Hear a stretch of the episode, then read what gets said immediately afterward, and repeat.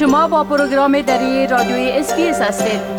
گزارشات عالی را در sbs.com.au/dari پیدا کنید. حال جاوید روستاپور خبرنگار پروگرام دری رادیوی SBS با ما با تماس هستند که اونا درباره تازه ترین تحولات در افغانستان معلومات میتن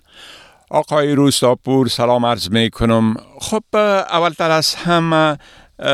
گفتم میشه که پرسش های درباره جرگی که قرار است از طرف طالبا فردا دائر شوه تبارز کرده و پرسیده میشه بله؟ با سلام و وقت شما بخیر آقای شکیب. بله امان گونه که شما اشاره کردین پس از آن که طالبان از راه اندازی یک نشستی مشورتی یا جرگه با عالمان دین و بزرگان قومی خبر دادند شماری از فعالان حقوق زن و فعالان مدنی می‌گویند که طالبان می‌خواهند که از این طریق به نوی به خود مشروعیت کسب کنند. مونسای مبارز یکی از مدافعان حقوق زن و بخشی دری تلویزیونی صدای امریکا گفته که طالبان دچار بحران مشروعیت داخلی و خارجی هستند و این مشکل را می‌خواهند که با برگزاری این گونه جرگه ها حل کنند. اما طالبان در اعلامیه‌ای که نشر کردن یافتن راه حل و چالش های کنونی را از اهداف برگزاری این نشست عنوان کرده و گفتند که قرار است در این نشست که یعنی فردا چهارشنبه در تالار خیمه لوی جرگه در کابل برگزار می شود حدود 3000 تن از 34 ولایت کشور به نمایندگی از مردم افغانستان اشتراک خواهند کرد. اما فعالان اجتماعی و فعالان مدنی به این باورند که طالبان در این نشست افرادی را قرار است دعوت کنند که با آنان طرز تفکری مشترک دارند و مواردی را اونا تایید می‌کنند که طالبا او را می‌خوان از جمله مسائل محدودیت بر زنان و اینکه بالاتر از سن ششم دختران به مکتب نمیرن و به می ترتیب موارد دیگه که فعلا طالبا او را محدود ساختن و مردم افغانستان می‌خوان که این محدودیت ها برداشته شن. اما تعداد دیگه هم گفتن که این جرگه می‌تواند یا این نشست مشورتی می‌تونه یک دریچه امیدی برای ازی باشد که برخی محدودیت هایی که طالبا وضع کردن کسایی که در نشست اشتراک می‌کنن او برداشته شد و به طالبان مشوره بتن که با مردم چیزایی را که اینا محدودیت وضع کردن نظرات مردم گرفته شد و این محدودیت ها برداشته شد. از جمله دختران دروازه مکاتب برای دختران باز شد و همچنان زنان حق کار و حق آموزش را داشته باشند. بله خب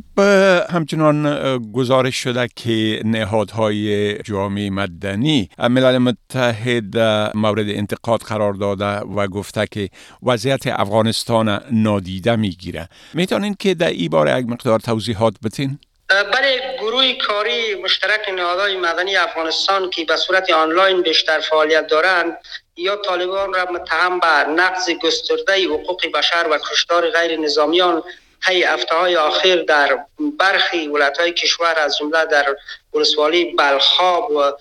و بلخاب ولایت سریپل و همچنان پنشیر و بغلان کردند و گفتند که سازمان ملل متحد و جامعه جهانی در این زمینه سکوت کرده این نهادها روز دوشنبه شش سرطان در اعلامیه گفته که سکوت جامعه جهانی باعث گسترش نقض حقوق بشر در افغانستان شده و این سکوت سبب شده که طالبا با دستی باز و بیشتر دست به نقض گسترده حقوق بشر بزنند. این نهادها تاکید کردند که جامعه جهانی و سازمان ملل باید یک تیمی را ایجاد کنند و بیاین نقض حقوق بشر در افغانستان بررسی کنند و ببینند که وضعیت از چی قرار است. این نهادها همچنان در این اعلامیهشان تاکید کردند که باید گزارشگری ویژه سازمان, ملل در افغانستان اجازه را پیدا کند که آنچه که در بلخاب پنشیر و بغلان گذشته ای باید به صورت ویژه گزارش شد و این مسئله باید امگانی شد و از طریق رسانه های گزارش داده شود. اما زبیرالله مجاهد سخنگوی طالبان در توییت نوشته که وضعیت در بلخاب عادی شده و بر هیچ کس ظلم و ستم صورت نگرفته. آقای مجاهد مدعی شده که ساکنان بلخاب آرام و در امنیت به سر می‌برند. او گفته که با غیر نظام کشتار غیر نظامیان که در برخی رسانه های خارجی گزارش شده بود پول و پاگند دشمن است و امارت اسلامی. و گفته آقای مجاهد فقط اما اهدافش تامین امنیت است که مردم در آرامش زندگی کنند. اما گزارش هایی که هفته طی روزهای گذشته در رسانه های برخی رسانه های داخلی و رسانه های بندلی صورت گرفت. حاکی از آن بود که پس از آن که طالبان علیه مولوی معدی یکی از فرماندهان ناراض عملیاتی را انجام دادند. شماری از مردم را آواره کردند و از مجبور به ترک خانهایشان شدند و دعا غیر نظامی از سوی طالبان بر اکبار بسته شد. بله و در این ضمن گزارش شده که برخوردهای بین یک قماندان محلی طالبا و نیروهای دیگه طالبا به وقوع پیوسته در ولایت غور و در نتیجه چند نفر هم کشته شده بله؟ مسئولان محلی طالبان در غور گفتند که این درگیری روز دوشنبه در روستای دهنی چهار آسیابی ولسوالی لعل سرجنگری ولایت غور بین نیروهای طالبا و یک فرمانده محلی صورت گرفته که منجر به کشته شدن چند تن از دو طرف شده. عبدالواحد حماس سخنگوی والی غور با پخش خبرنامه گفته که نیروهای طالبا یا نیروهای امارت اسلامی به گفته از او می‌خواستند محمد مرادی یک تن از فرماندهان وابسته به مولای مهدی مجاهد